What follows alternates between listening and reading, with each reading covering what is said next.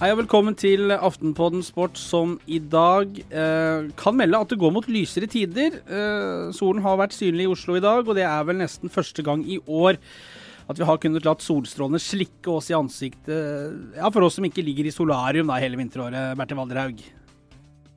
Sikta du til meg, eller sikta du til andre gjestene i studio? Jeg sikta til at det har vært sol i dag. Ja. Å ja. Jeg tenkte på solarium, jeg, men Nei, det er mange år siden. Velkommen skal du være. Takk for det. Det var en hyggelig intro, Kjetil. Lars Kjernås også. Solarium det er vel ikke noe for deg? Det har jeg faktisk aldri benytta meg av. Det, det ser kanskje enkelte på meg òg, men det, det, er, det skal jeg faktisk ikke ha på meg. Men så er det enkelte da som må være på jobb i, i vinterhalvåret, og to andre rundt bordet så skal ned til La Manga, så trenger jeg ikke klage over at det er for lite sol i hovedstaden. Uh, dette var litt sånn Jeg var uforberedt på det angrepet her, Lars. Vi er, vi er blant fiender konstant her, Ja. eh, føler jeg. Rett og slett. er, eh, hvor hen vi snur eh, ansiktet, så er det kun eh, plagsomme ting å få. Redaktøren han er blitt som et minefelt. Ehm, vi skal til La Manga, ja. Lars skal dit for å jobbe, det skal jeg også. Men vi skal nyte da de sørspanske solgløtt sammen med storm og orkan i kastene som det er der nede. Når eh, norske lag lader opp til seriestart i fotball.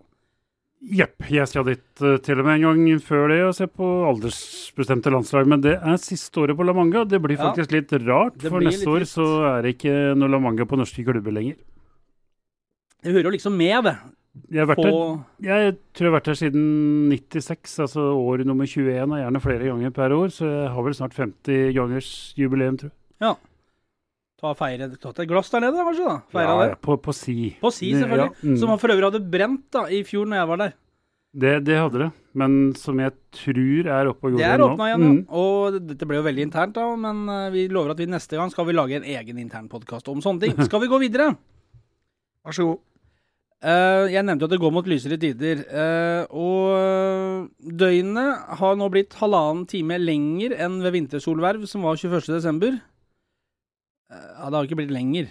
Døgnet, for det er jo ofte Lys. 24 timer. En halv time Ofte ganske konstant, det er Ja, det er relativt konstant, tror jeg. Ja. Men det er blitt én time og 29 minutter mer dagslys enn det var 21.12. Det må være, det må da være noe, det. Det verste er at jeg er blitt så gammel at jeg syns det er direkte nydelig. Altså jeg, jeg, jeg synes det, må innrømme at i desember syns jeg er blitt uh, verre og verre, nesten. Det var, det var bekmørkt. Og nå nyter jeg å sitte og se sola klokka fire fra vinduet. Bertil òg, det er det, Fire. Ikke fire på morgenen. Nei, ikke fire på morgenen, det, det, får, vi, Det det får vi ta i juni, men Så gammel er du at du står opp klokka fire. så ille er det ikke. Står opp med på dagene klokka fire på morgenen. Vekke kjerringa. Nå skal jeg opp og se sola stå. um, men det betyr jo at det går mot seriestart i fotball, blant annet, da, som, vi gleder oss, uh, som vi gleder oss til, som vi var inne på. Men jeg tenkte jo bare vi skulle holde oss litt i astronomiens verden her. Uh, hvordan er det med basiskunnskapene der, Så godt som null. Martin? Basket. Basis. Basiskunnskapen eller Nei, du kan velge, egentlig. Hæ? Er du god til å spille basket? Kurball? Ja, jeg ble skolemester i sjette klasse, så Ja. jeg kan det. Men åssen er det med basiskunnskapen i astronomi? Eller basketkunnskapen i astronomi? Nei, ganske dårlig, men eh, det var fullmåne. Og måneformørkelse nå i vinter, var ikke det da? Jeg, jeg vet ikke. Eh, vi måtte spørre hva vintersolvær var, ja, men eh, Solformørkelse heter det kanskje. Har du kalt det det? Og bilen går bra? Eh, dagens quiz, da, som var egentlig det vi har brukt noen lange minutter på nå, var hvilke planeter er synlige fra Oslo kommende natt? Det var dagens quiz. Oi, oi, oi. Kan vi ringe Knut Jørgen Rød? øh, Du ringer en Ja. venn. Han er ri- Jeg ringer han. Du ringer han, ja. ja. det- Vil du fjerne 15 eh, svar og så tippe, eller? Nei, Jupiter, tror jeg kanskje. Det er riktig. Ja. Det er flere. Uh, Venus. Det er riktig. Oi, oi. Hvor, hvor mange er det? Det er to, fire, to, fire, sju. Nei, det er jo sju. Ja, to av sju. Men Merkur. Det er riktig. Oi, oi, oi. Eh, nå har vi altså Jupiter, Mars og Merkur. Nei, Mars har ikke, men det er jo riktig fire. Mars, ja, det har vi. Mars og april og mai. Det, Klarer dere ikke det siste òg? nei. Det er Merkur, Venus, Mars, Jupiter, Saturn, Uranus og Neptun. Ja, det hadde jeg selvfølgelig på tunga. Ja. Ja. Uh, interessant, eller bare sånn middels? Ja, spørsmålet er jo liksom hva som er forskjellen i kveld kontra andre kvelder. Aner ikke. Nei. Ikke peiling. Nei, det var det, derfor jeg var litt dårlig til å svare. Derfor jeg var litt usikker på om det er riktig dag. i Ja, forhold til det svaret jeg skulle ha. ukesperspektivet der, ja. ja skjønner. I dag så må vi snakke om Therese Johaug-saken, der høringen starter på onsdag. Vi må snakke om Peter Northug, eh, og vi må snakke om jobben i norsk fotball som ingen vil ha. Eh, men før det så er det med sorg, eh, langrennsekspert Lars Kjernås, at jeg må meddele at den svenske langrennsprofilen og Aftenpodden sportyndlingen Carl Kvikklund nå legger skiene på hylla. Legger Kvikklund opp. Kvikklund legger opp. Han skal gå enda saktere som, eh, som eh, på fritida enn han gjør i, i sporet. Det er rett og slett det er, det er trist, nitrist. Nå ble jeg rett og slett nedtrykt. Kvikklund er ferdig. Midt i sesongen? Det er over. Å. Eh, takk til Stefan, som har eh, tror, jeg, tror Stefan er fra Sverige. Som har tipsa oss. Eh, han skrev dette, er, dette må være dårlige nyheter for Aftenposten Sport, og la til en, la en lenke til hjemmesiden til Kvikklund. Der Kvikklund skylder på vedvarende kneproblemer. Det har vært, vært, lurer på det har vært tre operasjoner eller noe. Men, Men der, der er Lars og jeg i samme klasse, altså. Vedvarende kneproblemer. Ja, Men- men spørsmålet er er det det som egentlig er grunnen til at Kvikklund gir seg, eller er det noe annet, Lars? Det er eh, verdens dårligste unnskyldning eh, for at han ikke har prestert, i hvert fall. fordi selv med to særdeles friske knær, så hadde vi tre gått fra Karl Kvikklund på tredje etappen. Spørsmålet er jo om han endelig nå har kommet seg inn på gården på Blankvanns og fått nettilkobling og bare meldt fra at 'kom og hent meg, jeg er ferdig'. At han har brukt et år nå. Jeg tror det. Jeg tror han ligger ute på 42,7 km enda faktisk og venter på hjelp. Um, Jeg tror det er pga. hetsinga fra Lars og Kjetil. ja. ja, for du har vært helt, selvfølgelig Ja, ja, helt uskyldig, du. Ja, ja. Ja. Nei, men jeg gir alle en sjanse. Jeg vet, at det, jeg vet at det kan være smøreproblemer som ligger til grunn. Så det enkelt kan er det. Jeg har ingenting med OT-opptak og Nei. grunnlaget eller noe å gjøre. Det er, det er ski, det er gode ski og dårlige ski. Og nå skal jeg komme en, eh, jeg komme en unnskyldning til deg. Jeg har jo, Så fort uh, sjansen har begynt seg, så har jeg vært på deg som en klegg og hunsa deg for uh, blanksmurte ski. Det skal jeg aldri gjøre igjen. For jeg er rett og slett så ræva til å smøre ski sjøl, har jeg nå bare må, har, jeg, har jeg erkjent. Uh, så du hørte det, du òg. Det er jo vitne på det. Så heretter så blir det null hets fra Og, meg. og da skal du gjøre sånn som 95% av alle nye ski uh, som kjøper ski, gjør. Da går de og kjøper ski med felle under. Nei. Jeg gyver på med festevoks og klister, men jeg skal ikke hetse deg for det. Nei, det er hyggelig. Jeg fortsetter og korker og holder på i stua så det skvetter i sofaen og på bord og TV. Men jeg kommer ikke til å hetse deg for at uh, du har slitt med det. Nei, jeg har til og med vært på kurs i vinter. Ja. Så, men etter det så Jeg har ikke smurt ski, for jeg har bare gått på skøyteski. Så Ja, det er jo selvfølgelig Det altså Det ja. ja. Men Men har der går det faktisk ikke an å smøre seg bort. Da. Hvis du klarer å smøre med klister på, eh, på skøyteski, så selv jeg skjønner at det, det blir trøbbel. Måtte jo være å sette skia feil vei eller noe, da, men det skal vel godt gjøres. Um, fra den ene uh, tunge saken til den andre. Onsdag starter Therese Johags rettssak, om vi kan kalle det det, nemlig høringen i domsutvalget i Norges idrettsforbund i forbindelse med dopingsaken. Uh, det skjer i Brannlosjen av alle steder, Lars Bullevål. Ja, ser En ikke på, ulykke- jeg, jeg er ikke ansvarlig for at den er lagt uh, dit. En ulykke kommer vel sjelden alene, som det heter. Nå, nå. Og det er satt av to dager til forklaringer og vitner. Uh, Antidoping Norge har innstilt på 14 måneders utestengelse, uh, men nå skal domsutvalget avgi sin dom, og etter det så kan Johaug anke. Antidoping Norge kan anke, Internasjonale skiforbundet FIS kan anke, og WADA, som er det internasjonale antidopingbyrået, kan anke. Og Da havner saken eventuelt i appellutvalget i Norges idrettsforbund, og en eventuelt siste instans, det er idrettens voldgiftsrett, KAS. Eh, her burde vi ha hatt kollega Kurt Haugli til å forklare, eh, men da hadde vel både Johaug fått dom og sonet ferdig før han var ferdig med sitt, for, før han var ferdig med sitt foredrag. Eh, men nå skal i hvert fall alle detaljer i saken opp igjen på nytt. Hvordan ser dere på de to neste dagene nå? Det blir spennende å høre. Det er klart at hun, ut fra det som er sagt fra Antidoping Norge, så har hun ikke gjort noe med vilje. Hun har heller ikke gjort det for å bli bedre til å gå på ski. men likevel så må hun straffes fordi hun har vært uaktsom. Um, Therese Johaug vil jo eh, kjempe for full frifinnelse, men jeg har vondt for å tro at hun vil bli frifunnet. fordi det er, det er, en, det er lover og regler som vi forholder til, som er her nå. Og da kan ikke hun få særregler. Det tenker jeg, da. Ja, det, er en, det, er jo en, trist sak. Det er bare tapere, uansett nesten utfall utfallet av det. Men det, jeg ser på det med én forhåpning, og det er å bli litt klokere. Og det, det, er spesielt ett spørsmål jeg, jeg, brenner litt etter å få vite mer om. Det er mengden av, av forbudt stoff i blodet. Mm. For den, den, gir jo en veldig klar indikasjon på om det her er gjort å si, med, med viten og vilje, eller om det er gjort ved et uhell, som jeg tror. Så får vi greie på det, så, så, er vi jo automatisk mye klokere, mener jeg, da, med, med intensjonen uh, her. Og du sier stoffet, så er jo det da klosterbol, som ja. er anabole steroider, som hun fikk etter å ha smurt uh, solbrente lepper inn med kremen trofodermin.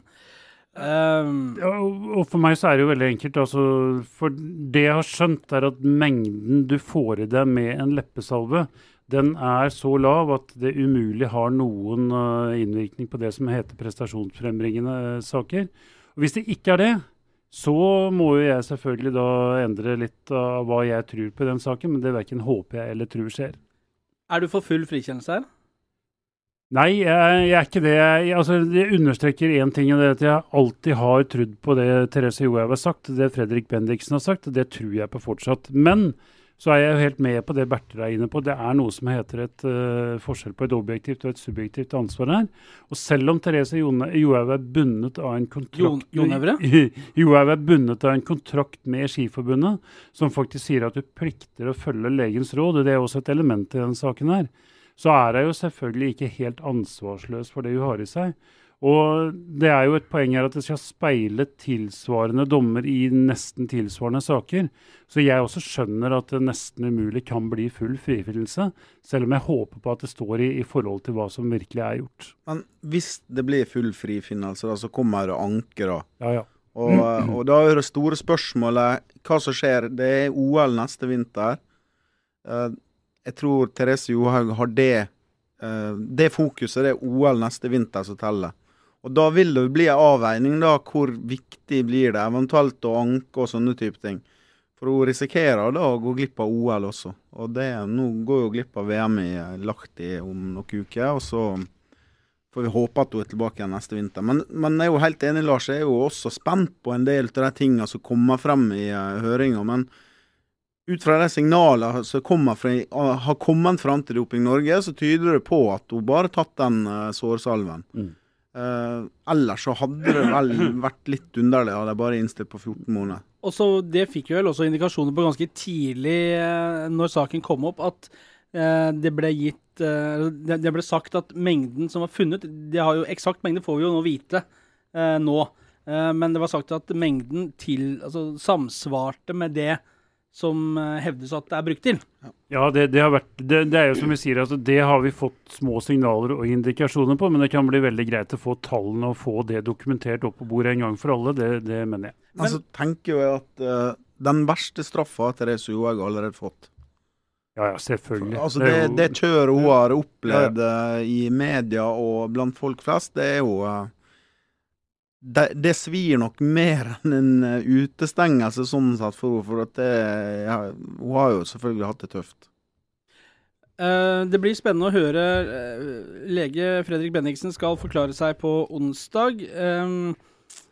Det blir spennende å høre når han ble varsla, og når eventuelt det ble gått til anskaffelse av den kremen også. For det ble jo også Det er jo litt sånn mange stusser litt over gangen at han skal ha fått beskjed, og så skal det ha tatt over en dag før det ble gått til anskaffelse av en krem her. Det blir interessant å høre hva de sier igjen. Ja da, og så har vel han holdt på å si, gitt noen indikasjoner på hvorfor han, han kan ha handla på den måten. Men det handla litt om ting han har opplevd personlig, det handler litt om andre ting som var i bildet akkurat det døgnet. Så han har jo gitt noen forklaringer på det som mm. jeg fortsatt tror på. Mm. Uh, og ikke minst, da, uh, hvorfor at ingen la merke til uh, dopingmerkingen på pakka. Det også er jo det er, det er, jo også Det er kanskje mest spesielle.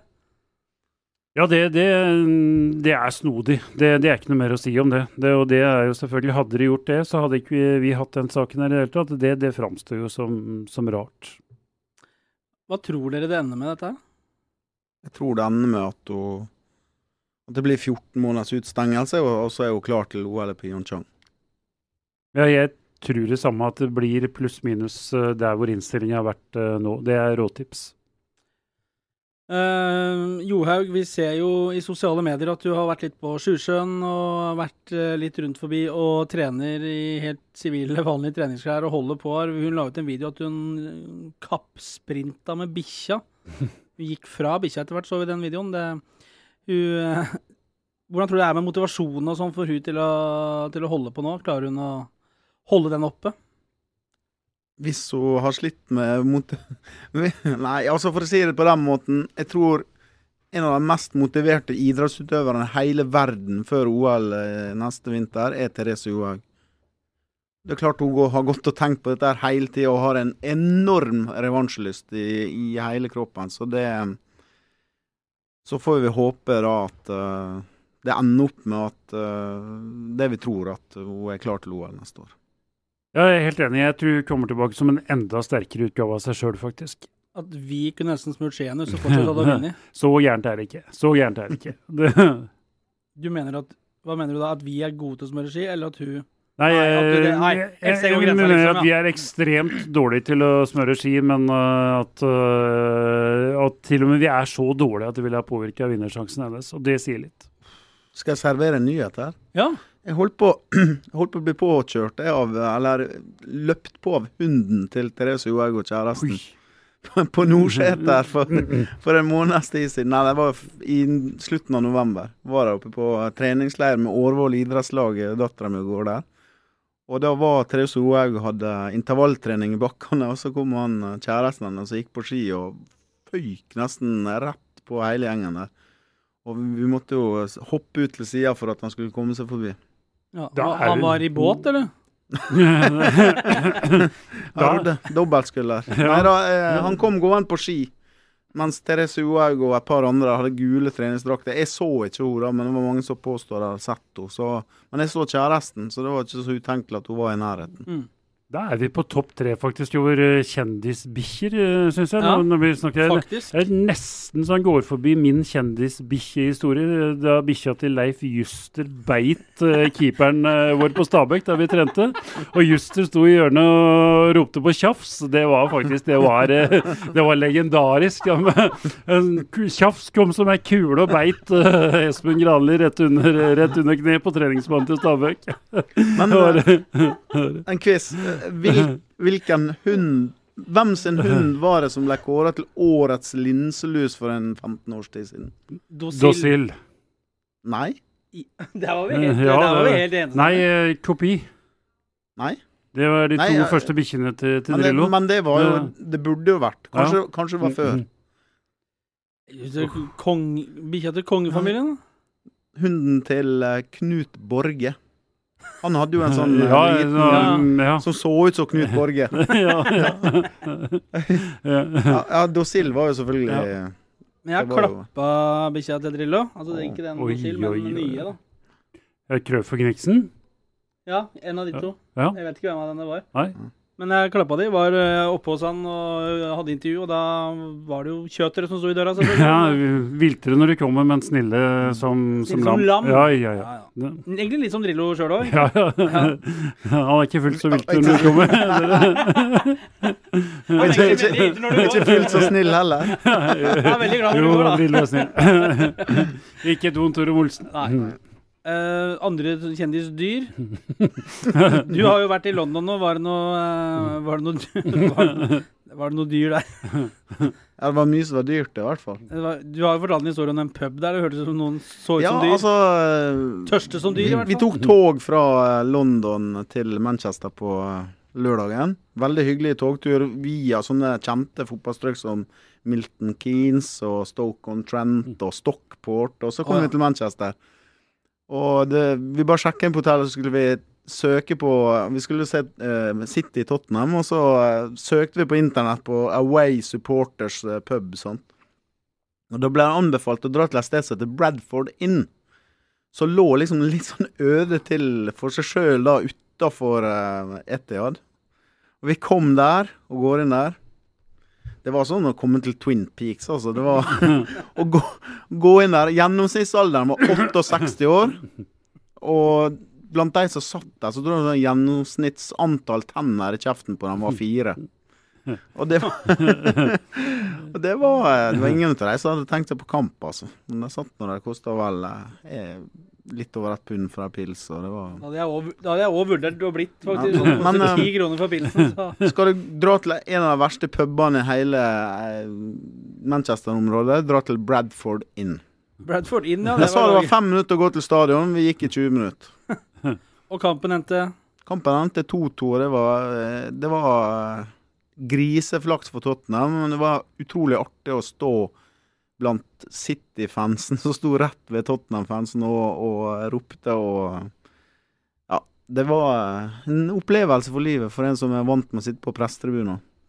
er jo blitt nesten litt sånn eh, trivelig fast innslag i, i, i reiseradioen. At vi har fått Bertils reisebrev fra uh, ledermøter og litt sånne ting. Det her er var privat, da. Vi hadde ledermøte først, og så valgte man å bli igjen dem som uh, Ja. Utrolig tilfeldig der med at du la den i London, så var det match i Manchester. Den var, det var utrolig flaks for dere, da. Flaks. Det er Rein flaks. Det.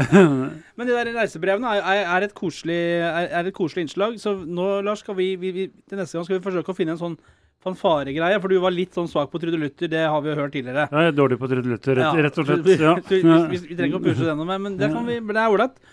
Ehm, jeg, jeg tror vi skal gå videre nå. Um, Therese Johaug får jo ikke konkurrere, som vi har vært inne på. Uh, det får i og for seg Petter Northug, uh, men han får likevel ikke lov. Um, det er under en måned igjen til VM i Lahti, som du sa, Bertil. Uh, men ingen i landslagsledelsen har åpenbart noe behov for å matche Northug før VM. Vraket fra verdenscupen i Falun kommende helg pga. svake resultater. Hva er det som skjer nå, Lars Kjernås? Du Mm. som har på en måte pirka litt i overflaten her på Twitter, har vi sett. Ja, det, det har jeg sikkert. Nei, jeg, jeg syns det er rart.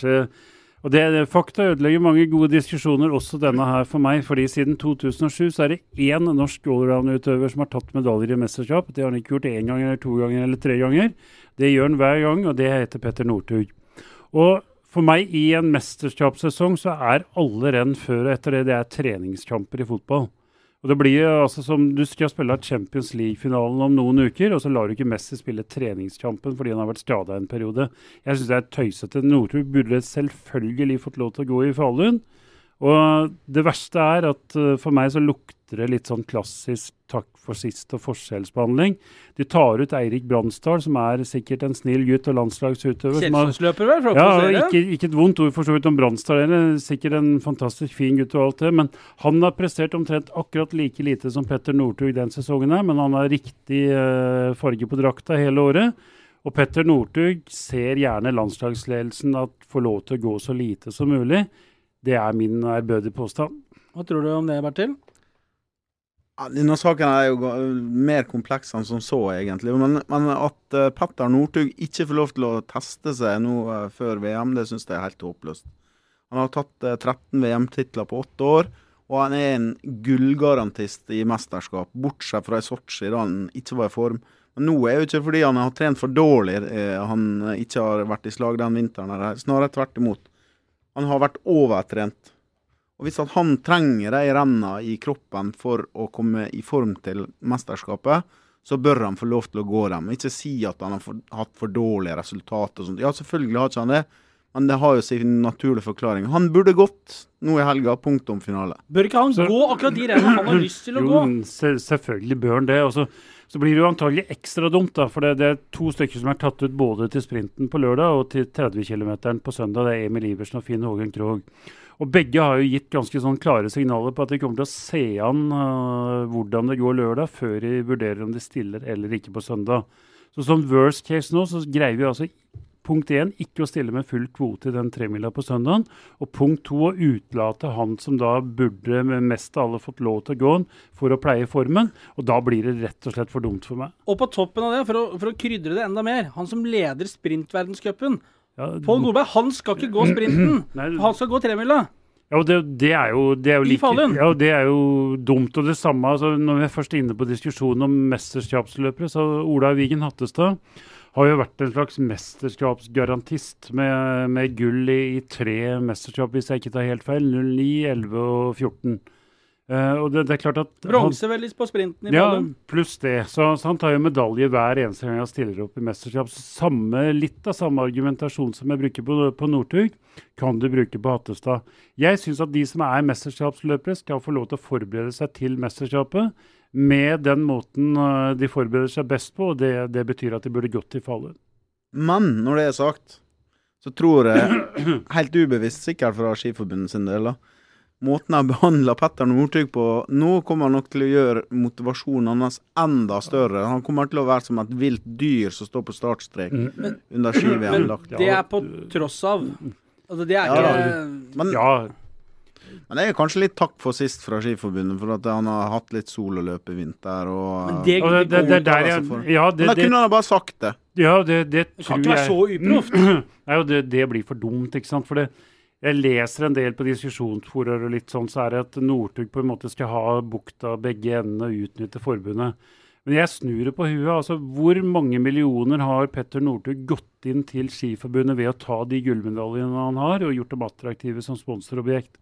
Ikke bare det, men han har, han redda etter min mening skinnet til bl.a. sportssjef Løfshus. Altså, han kunne jo nesten umulig ha blitt sittende over en så lang periode hvis ikke norske allround herreløpere hadde tatt et eneste gull i mesterskap, som vi ikke hadde gjort uten Northug. Så han har redda stillinger i Skiforbundet, har redda millioner til Skiforbundet. Skiforbundet har ingen verdens grunn til å si takk for sist på den måten til Northug for noe som helst, etter min mening. Og i, i Falun så var det jo to blant Northug vel som vant eh, lagsprinten, var ikke det Thomas? Og, Nei, nei, det var nei. Nei, det var, Finn eh, Hågen eh, Krogh Krogh, og Petter. og så var det Hattestad hadde medalje på, på sprinten. Glørsen hadde vel, om jeg ikke husker feil, på Var det 15, 15 km. Ja, På 15 km tok en bronse. Bronse, Mm. og så var det stafetten. Mm. Eh, No- det, er en, det, det, det, er, det er to mann, da, bortsett fra Northug, som tar medalje i VM i Falun. Og det er eh, to bronser, Ja, altså, som ikke Northug er involvert i. ja da, og, og antall gull som ikke Northug har vært involvert i de siste 12-13 åra, er jo Oddbjørn Hjelmeset som har vunnet femmil, og Lars Berger som vant den hvor det var snøkaos i, i Sapporo i, i 2007. Resten av gullet har Northug eh, tatt. Han har 13 VM-gull på 24 VM-starter, Mm. Northug, hvis jeg kan eh, hvis jeg har telt riktig. Um, men det er, det, er, det er jo ikke viktigere altså, Nå har jo nå har sagt at de vil teste. De vil teste og se an folk, og det er jo for så vidt en fair forklaring. Eh, men da må det jo på en måte Han som du veit at tar gull, han må jo settes opp først, og så må du fordele de andre. Det vil jo være helt naturlig. For det er jo ikke viktigere å gjøre det bra på et verdenscuprenn i Falun enn det er å gjøre det bra når du står på start i, i Lahti. Nei, som Lars sier, det er jo bare treningskamper. Det er Lahti som teller i vinter. Punktumfinale. Og da, da burde han gått der. For å, for å legge forholdene best mulig til rette for å være slag i, når gongongen går Eller slår i Lahti. Han har friplass på sprinten, Northug, og på femmila eh, som regjerende mester. De, teoretisk sett så kan det bli de to eneste distansene han får lov til å gå, da, hvis Skiforbundet mener at han har hatt for dårlige resultater til at de tar ham ut til Ja. å gå f.eks. lagsprint, stafett, 30 km 15 km. Ser vi for oss eh, f.eks. en stafett i VM uten Northug? Nei, jeg hadde sagt klart nei før jeg har sett de to stafettene som har gått i, i uh, vinter. Det skal jo sies at Finn Ågen Krogh Først så spurte han Ostiogov i La Clusa, og så spurte han Kalle Halvorsson nå i Ulricehavn og Det er omtrent de to eh, sterkeste spurtene på et oppløp. Så skulle det nå bli sånn at ikke Northug går, så er jo ikke Finn Ågen Krogh noe dårlig mann å ha på fjerde etappen. Men det er, eh, det er noe eget med, med Northug. Altså jeg må innrømme det at han kan ligge som nummer 30 i et felt. Og Jonsrud Sundby og et par andre nordmenn kan, kan lede det feltet når det er et par kilometer. Den jeg ser etter foran TV-en, det er Northug uansett.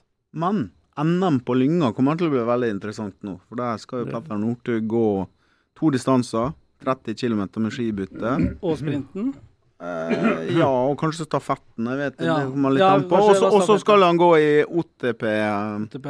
Helga før ski-VM. Ja, siste World Ja, eh, Og det også Ja. bli avgjørende, men altså, er Petter Northug helt unna den formen han bør være i på de rennene, så tror ikke han går stafetten i ski-VM.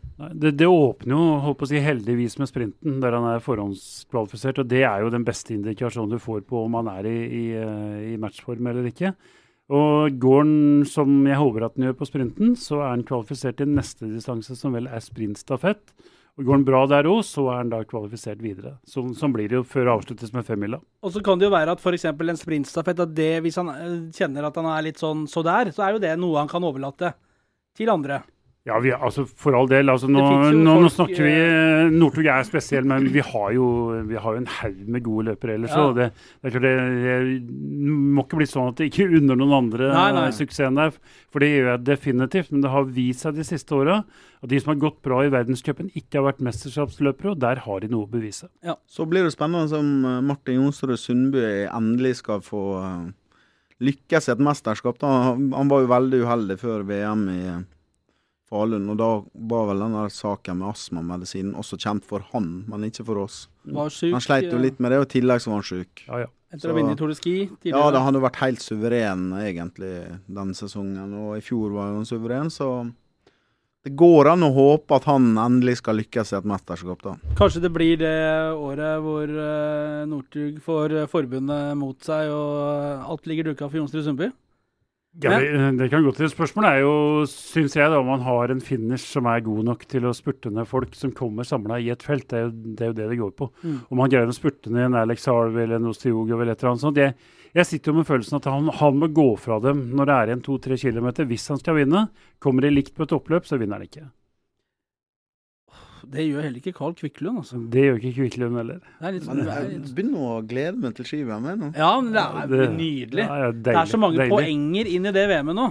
Deilig. Og før det, gutter, skal vi ha alpin-VM hvor vi faktisk kan ta medalje i alle øvelsene for herrer. Og hvis de har skiskytter-VM med skiskyttere som begynner å finne litt eh, form, så februar blir det deilig. Kantraff låg skal vi ha der. Kantraff låg.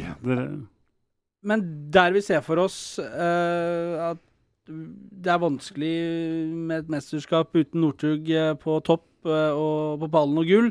Så har vi blitt vant til å se for oss eh, mesterskap i fotball uten norsk deltakelse. Det, liksom, det, har vi lært oss å leve med. Eh, og nå er det heller ingen som vil trene det norske landslaget. Det har vært en, sånn, har vært en utvikling der òg, må vi kunne si. Det er ikke lenger populært å trene herrelandslaget i fotball. Hvorfor ikke?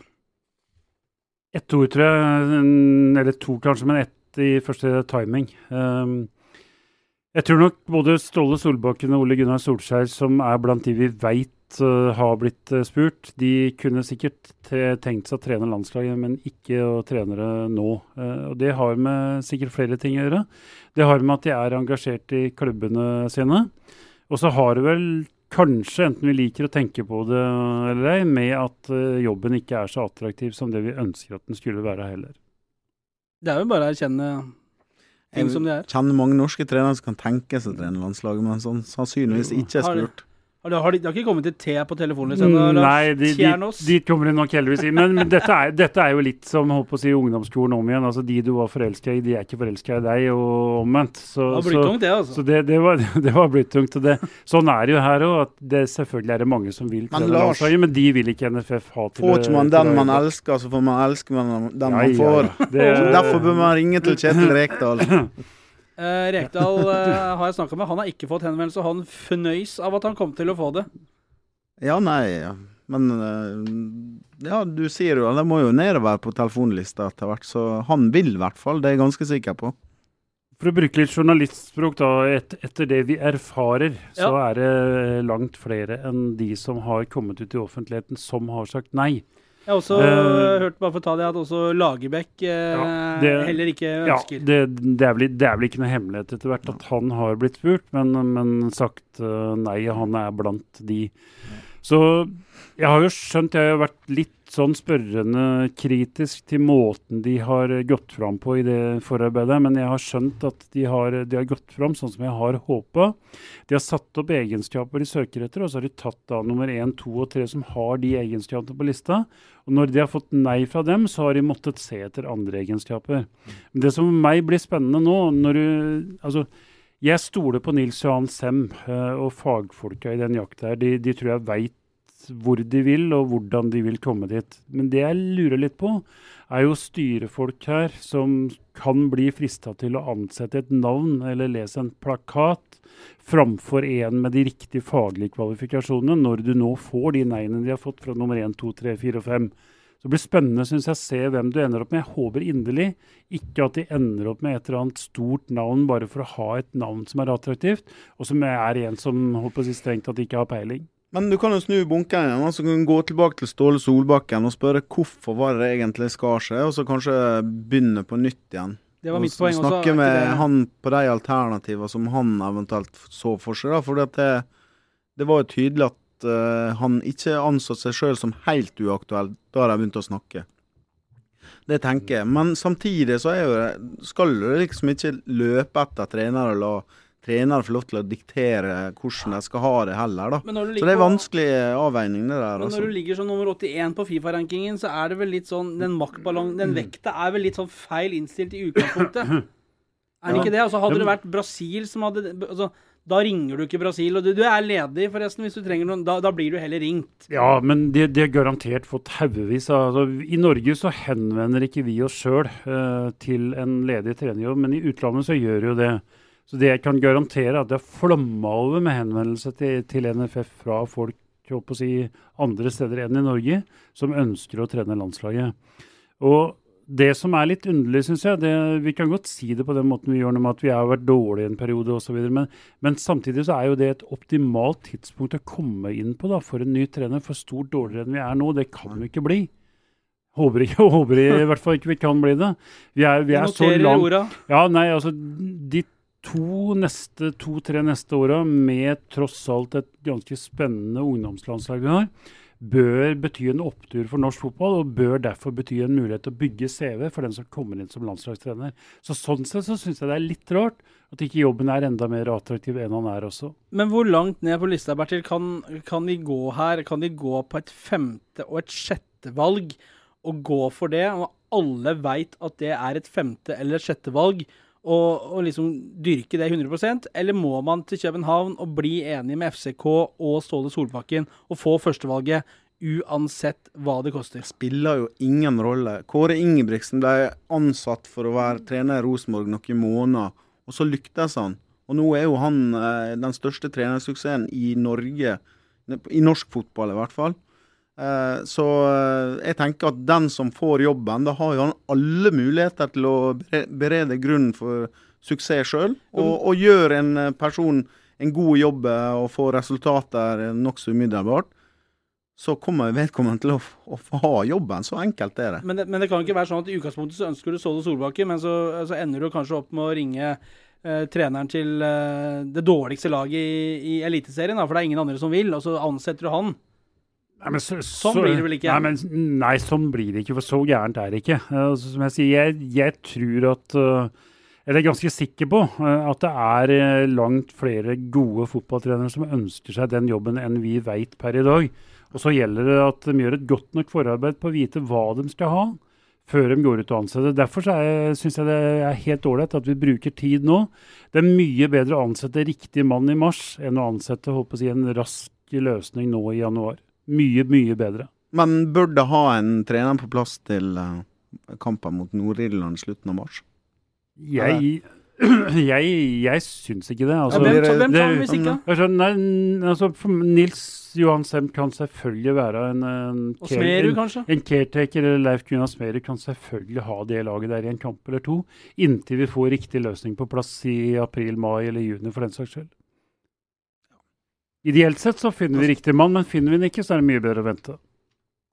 Har jo litt, du har jo kvalifiseringa ut nå, og så eh, fram til starten av neste kvalifisering å øve på. Fordi, fordi eh, vi er jo ute av kampen om å være med i VM i Russland.